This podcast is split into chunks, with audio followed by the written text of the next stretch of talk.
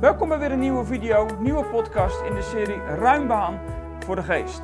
Vorige keer heb ik je meegenomen in het verhaal van hemelvaart.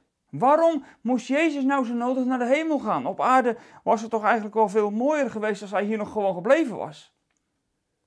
Maar toen hebben we natuurlijk gezien dat Jezus met dat hij naar de hemel ging en het binnenste heiligdom als het ware binnenging, de troonzaal van God, dat Jezus daarmee eigenlijk niet alleen de verzoening bij de Vader bracht, zijn bloed van de verzoening, maar dat hij tegelijkertijd ruimte maakte voor de Heilige Geest.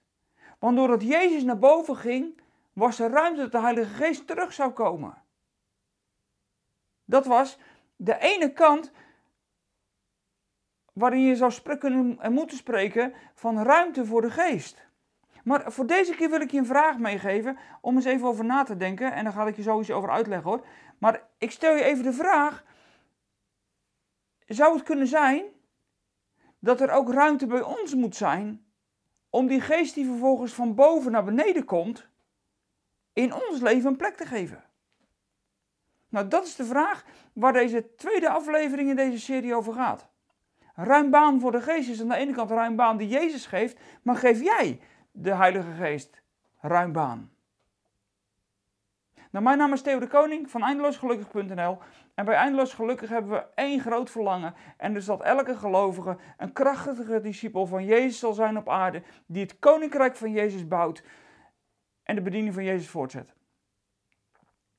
Fijn dat je erbij bent, goed dat je meekijkt, ik ben er blij mee en ik hoop dat deze serie jou meeneemt naar meer van de Heilige Geest. En door alle jaren heen heb ik over de Heilige Geest van alles geleerd en ook al heel veel met jullie gedeeld. En door de jaren heen heb ik ook altijd weer van die vragen gekregen over de Heilige Geest. Dat maakt dat ik eigenlijk nu ook weer gewoon het verlangen had om een serie over de Heilige Geest te doen. En een van die vragen die ik heel vaak krijg, of opmerkingen, ik merk soms maar zo weinig van de Heilige Geest. Hoe komt het nou? Nou, die vraag, die mag er echt wel zijn. Want hoe komt het nou dat wij soms van die momenten hebben dat we zo weinig van de Heilige Geest merken? Hoe komt het dat de passie voor Jezus er lang niet altijd is en dat we lang niet altijd in het vuur van die geest staan? Hoe komt het nou dat die gaven van de geest helemaal niet altijd vanzelfsprekend functioneren? En over de vruchten van de geest, als het over je karakter gaat, helemaal maar te zwijgen. Hoe komt het dat de Heilige Geest niet zo krachtig aanwezig lijkt te zijn onder ons dan onder de apostelen net na de hemelvaart van Jezus? Nou, daar wil ik even met je over nadenken, omdat ik je echt gun dat je diezelfde geest zult ervaren als je de apostelen, de discipelen, aan het begin van de kerk hebben mogen ervaren. En als wij willen dat de kerk in Nederland een kerk is die vol vuur is en vol van passie en waar het vuur van de geest echt ongelooflijk aangewakkerd is, dan moeten we over deze vraag nadenken. Want wat blokkeert de Heilige Geest? En je voelt hem al aankomen in de vragen die ik je net gesteld heb. Hoe zit dat nou met die ruime baan die wij geven aan de Heilige Geest? Kijk, Jezus kan naar de hemel gegaan zijn en daarmee ruim baan hebben gegeven. Maar nou kan die Heilige Geest best wel op die ruime baan van Jezus naar ons toe komen. Maar als wij de deur op slot houden, zou het er zomaar kunnen zijn dat de oorzaak niet ligt bij de Heilige Geest en bij God, maar dat die oorzaak bij onszelf ligt. Kijk, wat versta jij onder ruim baan voor de Heilige Geest? Wat mag er dan gebeuren? Stel dat wij vandaag tegen elkaar zeggen: Wij geven de Heilige Geest alle ruimte. Dan ben ik benieuwd wat jij onder alle ruimte verstaat. Wat is dat alle ruimte? Hoe ruim is dat dan? Wat mag er dan wel en wat mag er dan niet? Voel je de spanning bij deze vraag? Mag de Heilige Geest jou een inzicht geven en daarbij een opdracht om dat inzicht wat je hebt gekregen te delen met de persoon waar het over gaat en waarbij de situatie ongelooflijk ingewikkeld is. Of misschien is het woord ingewikkeld niet eens goed. Maar zou je misschien wel het woord moeten gebruiken, misschien voelt het wel helemaal ongemakkelijk. Stel je voor dat je een inzicht krijgt dat je iemand moet confronteren met een stukje waarheid. Mag de Heilige Geest ruim baan hebben in jouw leven om jou daar mee in beweging te zetten? Of misschien mag ik een andere stellen. Mag de Heilige Geest in jouw leven ineens jou de gave van tongentaal geven?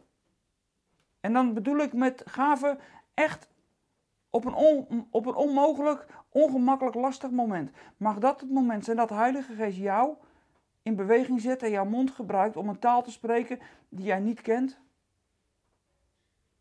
Een taal die misschien wel hemels is? Is dat wat ruim baan voor de Heilige Geest voor jou betekent? En natuurlijk, weet je, ik heb nu natuurlijk de extreme voorbeelden er even heerlijk bijgepakt. Eigenlijk heel eenvoudig. Dat prikkelt namelijk behoorlijk. En ik wil jou ook vandaag even prikkelen in deze video, in deze podcast, omdat ik heel graag wil dat je gaat nadenken over hoeveel ruimte dat jij nog geeft aan de Heilige Geest. Hoeveel ruimte is dat? Mag de Heilige Geest compleet buiten jouw comfortzone alles met jou doen wat Hij wil? Mag Hij dingen doen vanuit de hemelse gewesten? Mag de Heilige Geest alles, alle ruimte nemen die Hij wil om jou te gebruiken en in te zetten in het koninkrijk? Weet je, de discipelen, en dan moeten we maar weer even terug naar die discipelen, die zijn op een gegeven moment natuurlijk door die engelen aangesproken. En toen hebben die engelen tegen hen gezegd: Wat sta je nou te staren? Stop met dat gestaar. En verder zeiden ze niks, maar het gevolg lezen we dan in het gedeelte wat daarop volgt. En dan lees ik even een klein stukje met je uit Lucas 1. Dan sla ik een stukje over en dan lees ik een paar versen uit Lucas 2. Lucas 1, vers 12. Daar hebben die engelen die hebben die discipelen aangesproken. En dan zeggen, dan zeggen ze helemaal niks meer. Dan zeggen ook die discipelen niks. En dan lezen we in vers 12, hoofdstuk 1. Daarop keren de apostelen van de Olijfberg terug naar Jeruzalem. Deze berg ligt vlakbij de stad, op een sabbatsreisafstand. En toen ze in de stad aangekomen waren, gingen ze naar het bovenvertrek waar ze verblijf hielden. Petrus, Johannes, Jacobus, Andreas, Filippus, Thomas, Bartholomeus, Matthäus, Jacobus, de zoon van Alfeus, Simon de Zeloot en Judas, de zoon van Jacobus. Eensgezind wijden ze zich aan het gebed, samen met de vrouwen en met Maria, de moeder van Jezus, en met zijn broers. Vervolgens komt de geschiedenis dat Judas vervangen moet worden, dat er een nieuwe apostel gekozen moet worden. En dan lezen we vervolgens nog even verder in, vers, in hoofdstuk 2, vers 1.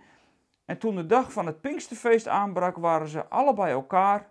Plotseling klonk er uit de hemel het geluid als van een hevige windvlaag, dat het huis waarin ze zich bevonden geheel vulde. En er verschenen aan hen een soort vlammen, die zich als vuurtongen verspreidden en op ieder van hen zich neerzetten. En alle werden vervuld van de Heilige Geest. En ze begonnen op luide toon te spreken in vreemde talen, zoals hun door de Geest werd ingegeven. Tot zover. De discipelen, hier worden ze apostelen genoemd, ze moeten die stap ook gelijk maar zetten. De apostelen, het begin van de kerk. Zo begint Jezus naar zijn hemelvaart de kerk, met deze mannen. En wat moesten deze mannen doen? Niet gaan staan staren en verlangend Jezus na gaan staan kijken of terug gaan staan kijken. Maar ze moesten terug naar Jeruzalem wachten op de belofte die de Vader hen gegeven had. En die had Jezus hen verkondigd. Jezus maakt ruim baan, maar die ruime baan, die blijft nog even leeg. De Heilige Geest komt nog niet gelijk.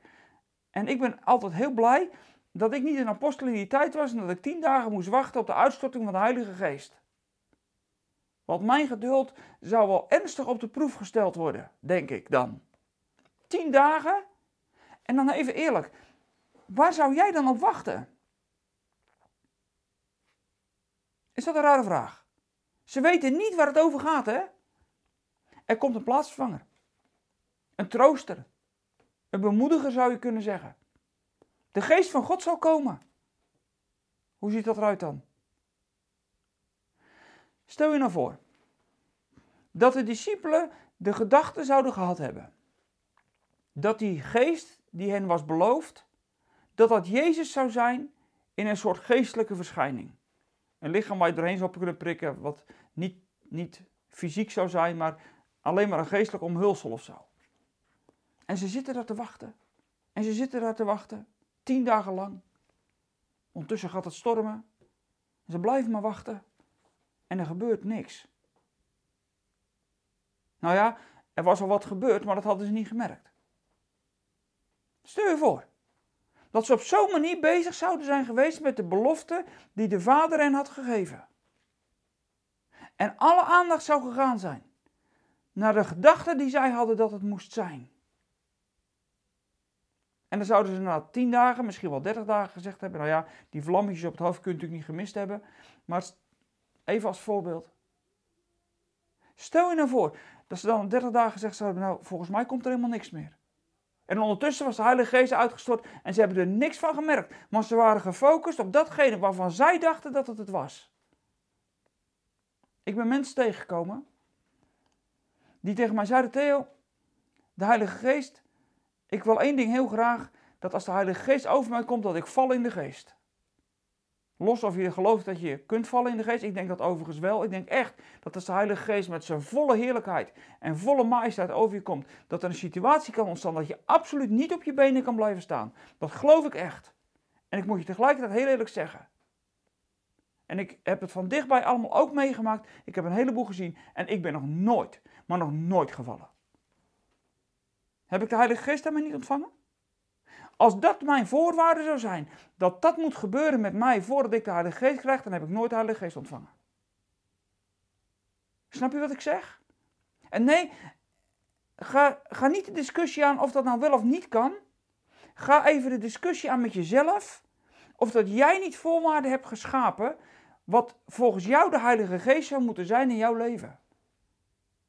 Als die discipelen, die apostelen dat hier gedaan zouden hebben, dan zouden ze misschien het hele Pinksterfeest zomaar aan zich hebben voorbij laten gaan. Want die wind die door dat huis heen gaat, dat is toch helemaal niet gek, dat kun je toch beredeneren. Er zat er geen ramen, er zat er nog geen glas. Er zat helemaal geen ramen in dat huis. Dat waren gewoon vensters. En het is buiten gewoon gaan waaien. Dat kun je toch beredeneren?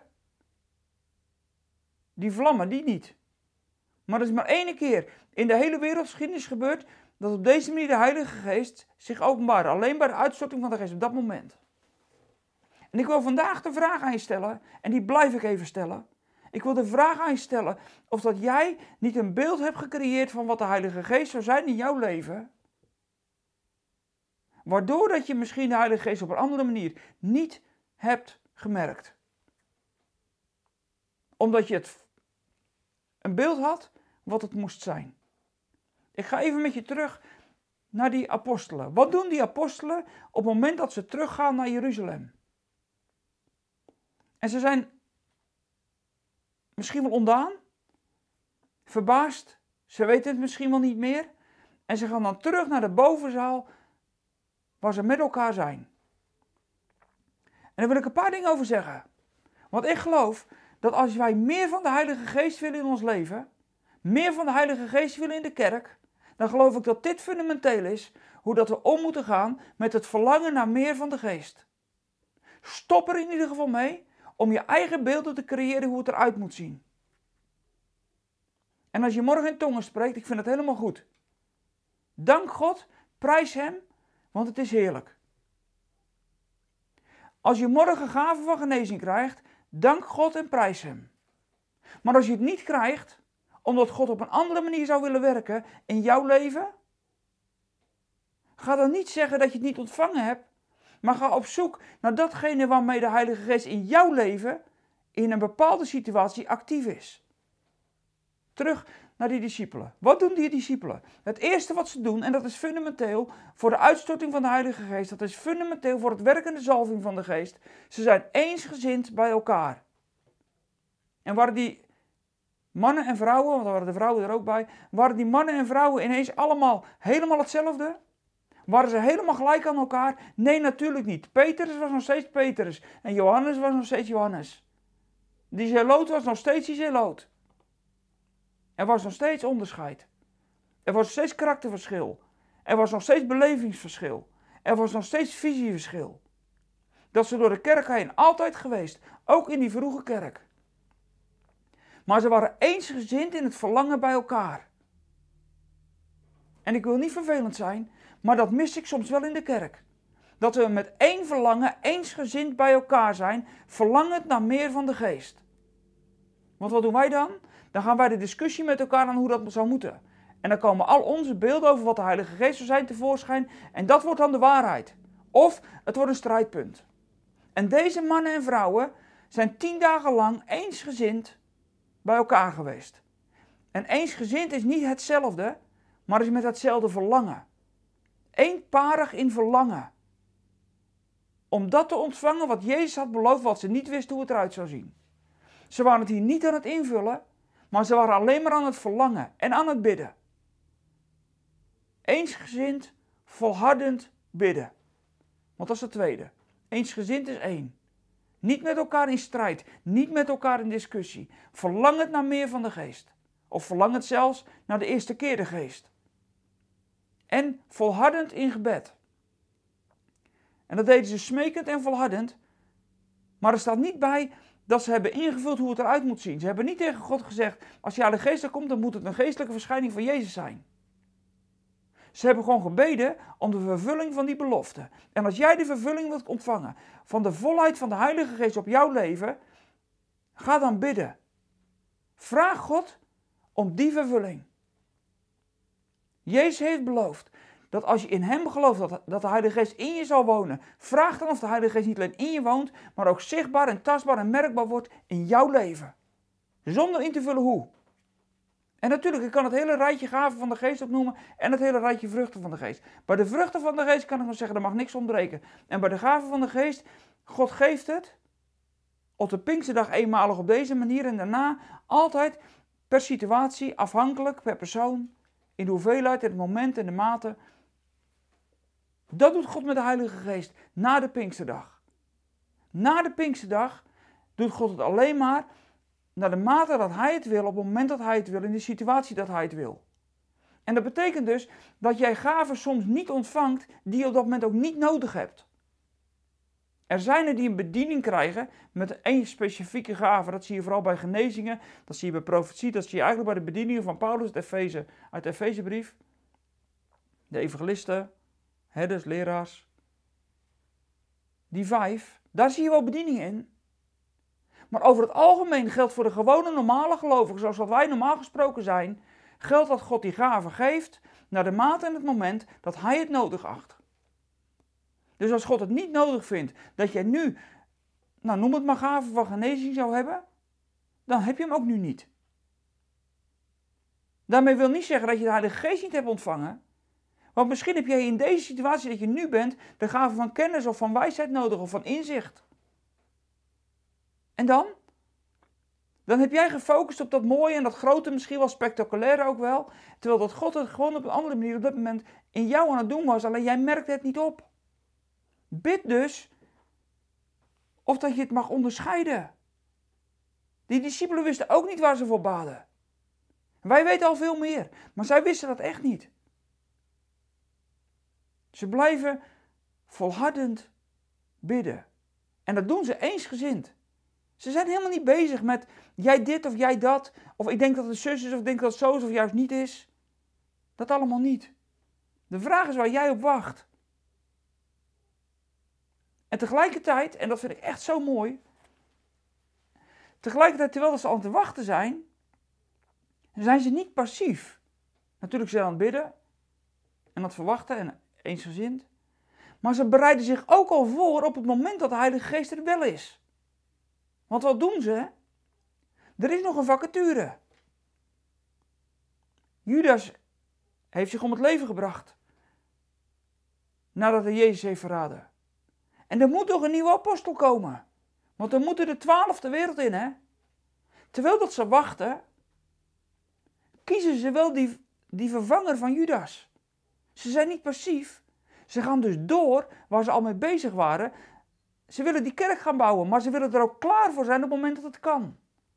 Dus terwijl dat jij soms moet wachten op het moment dat de Heilige Geest in een specifieke situatie actief is, wil niet zeggen dat je passief moet zijn, maar zorg ook dat je gewoon klaar bent. Soms misschien wel voor dingen opgeleid bent. Zodat God in jouw leven kan doen door de Heilige Geest wat Hij wil, op het moment dat Hij het wil en jij er klaar voor bent. En die dingen gaan nooit los van elkaar. En weet je, als het gaat over de Heilige Geest, dan gaat het bij ons zo vaak om het spektakel, om het grootste. En dat is mooi. Weet je, ik vind het geweldig als ik op iemand de handen heb gelegd, met iemand heb gebeden en er gebeurt een wonder van genezing. En ik heb er genoeg meegemaakt. Ik heb zo vaak wonderen gezien. Maar dat is niet het enige. En soms heb ik trouwens niet eens gezien dat Jezus groter werd van het wonder. Wat had het dan voor waarde? Maar wat nou als in jouw situatie op dit moment dat niet nodig is, maar jij hebt inzicht nodig? En je onderscheidt het niet. Jij hebt wel een beeld gekregen van God, maar je hebt het genegeerd. Ruim baan voor de geest. Ik vraag je vandaag maar één ding. Hoe ruim is die baan? Hoe heb jij die ingekleurd en ingevuld? Of heb je niks ingevuld, zoals hier de discipelen-apostelen? Niks ingevuld. Laat het dan maar komen zoals het komt. Zoals God wil dat de Heilige Geest in hun leven gaat werken. En dat is bij hun, bij de eerste uitsorting, wind en vuur. En daarna alle talen van de wereld spreken. Dat was niet eens tongentaal, dat was gewoon alle talen van de wereld. Dat is ongeveer hetzelfde als dat jij in Frankrijk loopt en je hebt nog nooit een woord Frans gesproken en je spreekt eens vloeiend Frans. Dat was de manier. Hoe God het daar op dat moment deed, omdat het daar op dat moment nodig was.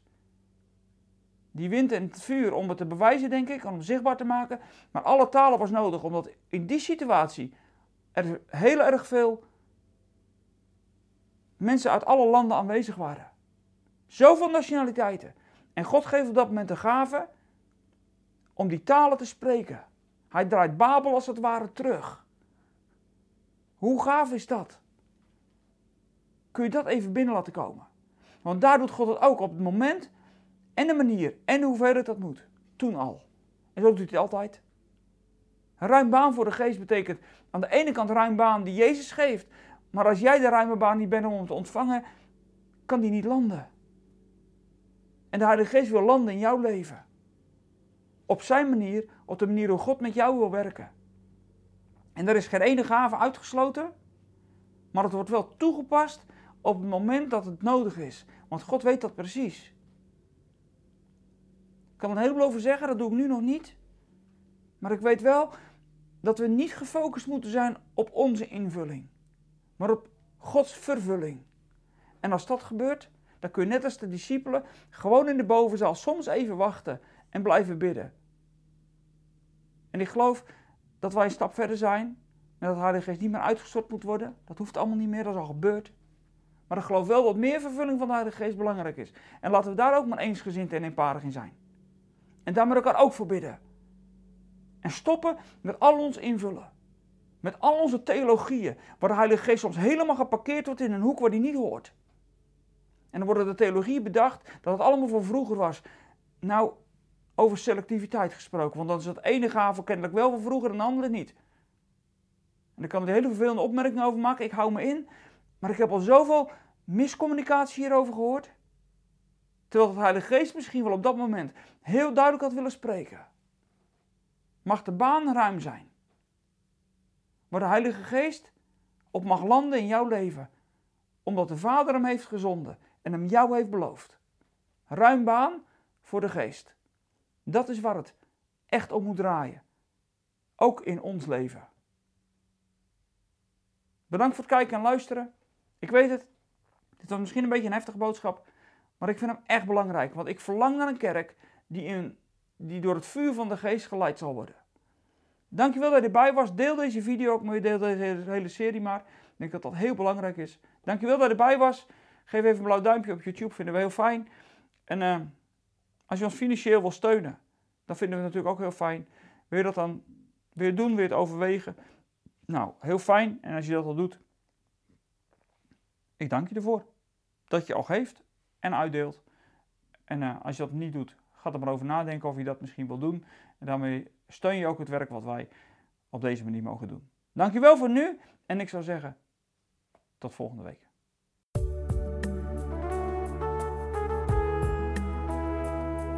We zijn alweer aan het einde van deze podcast. Spreken deze podcast je aan en wil je ons met de gift ondersteunen? Kijk dan voor meer informatie op www.eindeloosgelukkig.nl/podcast.